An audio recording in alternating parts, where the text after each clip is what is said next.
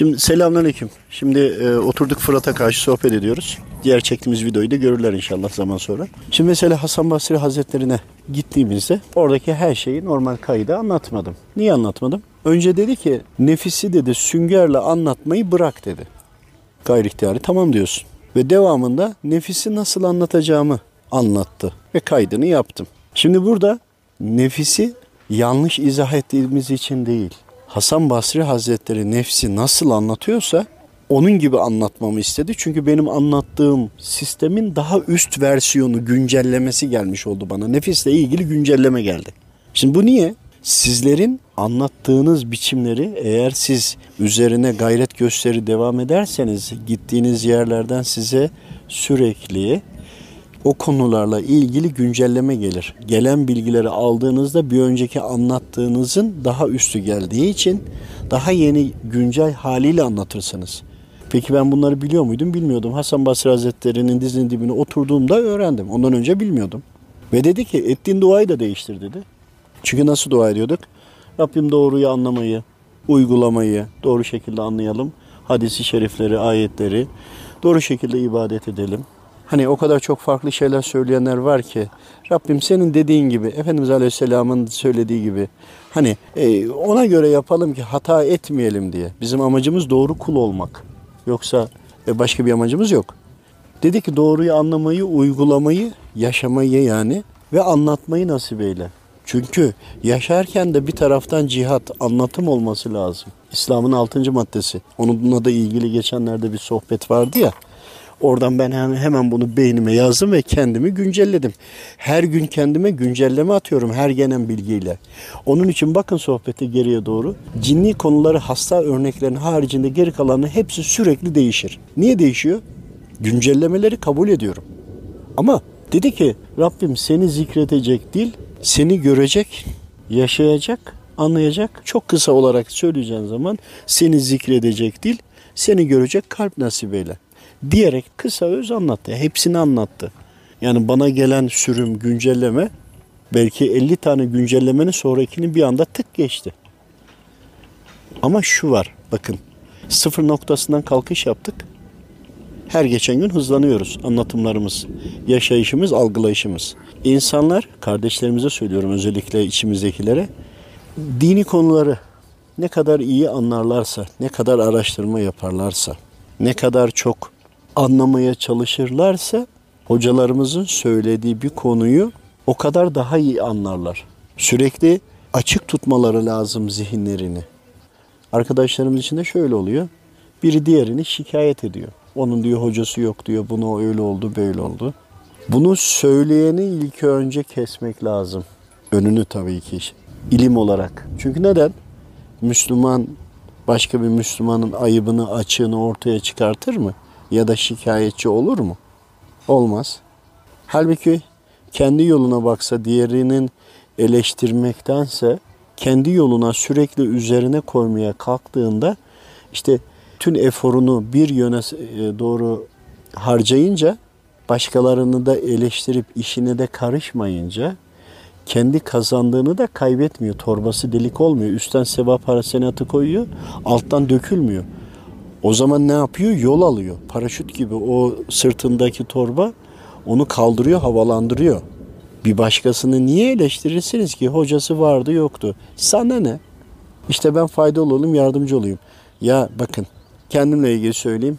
Ben hocama çok böyle enteresan bir şey soracağım mesela kendimle alakalı. Bak genelde kendimle ilgili sormuyorum diyorum. Bir yere gideceksem, sefere gideceksem ziyarete onu soruyorum.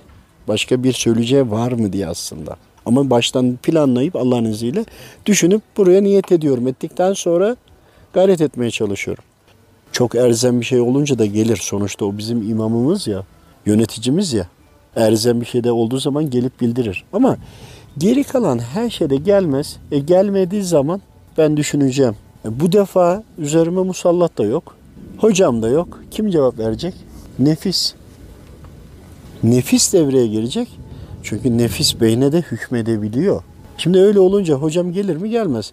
Ama bir zaman sonra bir telefon çaldı ya da birinin bir olayı var, önemli bir şey var. Öyle olduğu zaman gelir, bilgilendirir gider. Bak hocam hem var hem yok. Hoca hem var hem yok. İşte birisinin hocası yok diye eleştiren kişi veya birini şikayet eden kişi, onun günahını ortaya çıkarmaya çalışan kişi ona gidip kardeşim sen bir tövbe et, gayret et. Biraz sıkıntılarım var. Hocanla aranı iyi tutmaya çalış diye kulağına sessizce söylemektense şikayet ediyorlar. Tamam herkese söylemiyorlar, bize söylüyorlar ama e, velev ki hocası yoktu. Hep terk etti, bıraktı yani. Öyle bile olsa, zaman bile geçiyor olsa sen ya sen kendi yoluna bak. O hocası olmayan kardeşimiz sıkıntıya düşer, düşer, düşer, düşer. Hocası yok çünkü yanlış karar verecek. Diğeri de diyor ki bu yanlış karar verir diye ona aslında faydalı olmak istiyor. Aslında iyi bir şey yapıyor gibi de değil. Çünkü o hocasını kaybeden kişi kendi imtihanını yaşıyor. Sonunda bir gelecek, kendisi talep edecek. Biz kuytu bir köşede diyeceğiz ki ya böyle böyle olmuş sen buna gayret et. Hocan değil sen böyle böyle duruma giriyor.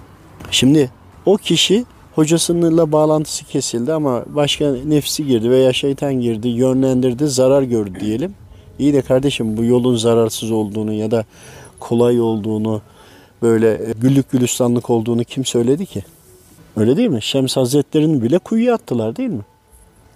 Mevlana Hazretlerini biliyorsunuz. Muhittin Arabi Hazretlerini biliyorsunuz. Yani bir bakın Allah dostlarına. Biz onlar gibi izlemiyoruz ha burada.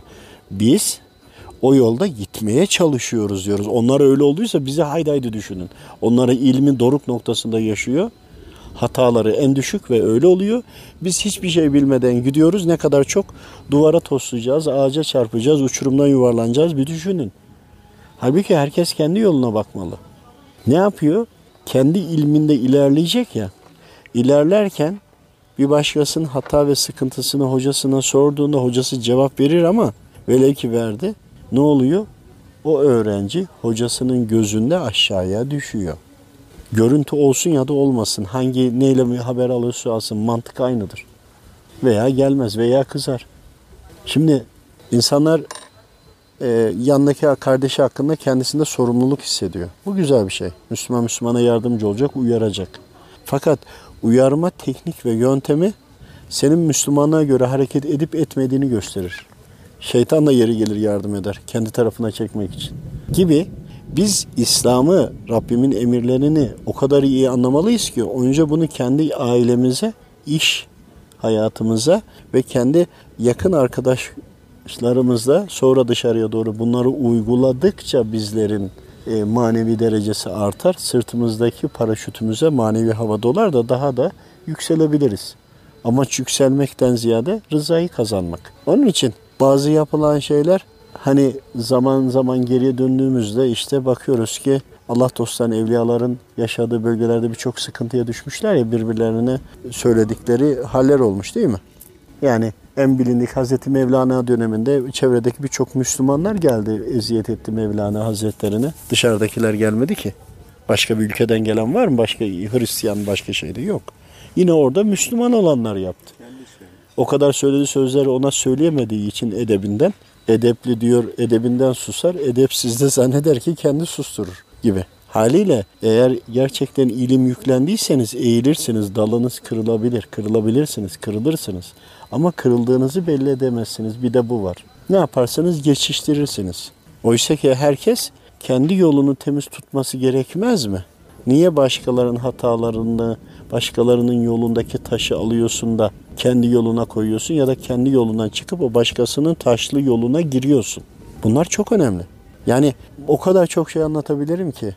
Ama anlattığım zaman bakıyorum ki insanlar, kardeşlerimiz bundan bir nasihat almıyor. Şimdi bunu bile dinleyecekler. Kapattıkları an unuttular. Unuttular. Ve sonra söylemekten de vazgeçiyorsun. Söylemekten vazgeçiyorsun. Düşün Allah rızası için hizmet etmeye çalışıyoruz. Bakın bugün Twitter'da ilgili bir şey gönderdi bir kardeşimiz. Bakın bilgiyi soruyor. Sorduğu bilgi anlattıklarımla ilgili hiçbir delil sunmadık. Kendisi o kadar teslim olmuş, iman etmiş ki gidiyor, araştırıyor, delillerini buluyor. Ondan sonra yayınlıyor. Ondan sonra bir de takip ediyor. Şimdi bak bu bir kişi. Onun gibi 12 kişi olsa bütün bilimsel çalışmalar dahil her şeyle ilgili kafa tutar ve Rabbimi anlatmaya çalışırdık o bilimle birlikte. Ama yoklar. Kaç kişi yaptı bugüne kadar? Tamam herkes bir şeyler yapıyor, gayret ediyor ama emin ol hemen hemen birkaç kişi haricinde hiçbir tanesi özveriyle çalışmıyor. Bunu biliyorum. Ve bu lafımı herkes kendi üstüne alsın. Bizzat da lütfen alın ya. Alın. Hak etmiyoruz. En başta ben hak etmiyorum. Böyle tembel, çalışmayan, sırtını kaşıtmak için gelen, Allah için hizmet edeceğim diyor. Bakıyorum ki uzaktan bakınca hiç alakası yok. Yakından kalbine girince bakıyorsun ki o istek var ama gayret yok. Söyleyince darılıyor, küsüyor, üstüne alınıyor. Ya İslam davası da ve orada bir de bir karşıda düşman var, tehlike var. Anlayabildik ki söyledik. Bir en azından e, anlayın ya. Anlamazsanız ne yapabilirim? Demek istediğim niye kimse aldığını üzerine koyup da ileriye götürmüyor da çevresindekilerle uğraşıyor? Bir de haftada bir araya geliyoruz, sohbet ediyoruz vesaire. Ya kardeşim geri kalanında akşamları oraya buraya dolaşmayın ya. Herkes evine çekilsin, ibadetini yapsın, araştırmasını yapsın, çıksın. Sürekli sürekli, beni hiç sürekli türbe ziyareti yaptığımı gördünüz mü? Çağrılırsın öyle olur. Ama zorla da kendini çağırtmazsın. Sana yok gelme demez ki. Zor bırakma. Arkadaş grubuyla haftada bir kere görüşürsün. Herkes evine gider. Bu ilimlere çalışma yapar, hazırlar. Biz öyle değil. Biz her gün toplaşıp tolup toplaşıp hiçbir şey yapmıyoruz. Olmaz. Bu da yanlış. Gibi. Aslında bunun gibi çok çok eleştirim var. Diyor muyum? Demiyorum. Söyledim mi? Söylemedim. Allahu alem.